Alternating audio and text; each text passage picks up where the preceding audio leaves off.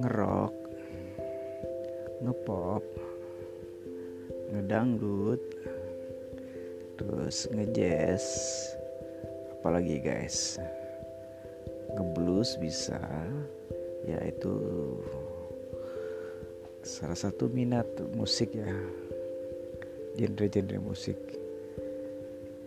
yang mungkin banyak di Indonesia nih nah kali ini kita akan ngebahas nih soal-soal seputar-seputar musik nih. Kita sharing-sharing para para pakar musik Indonesia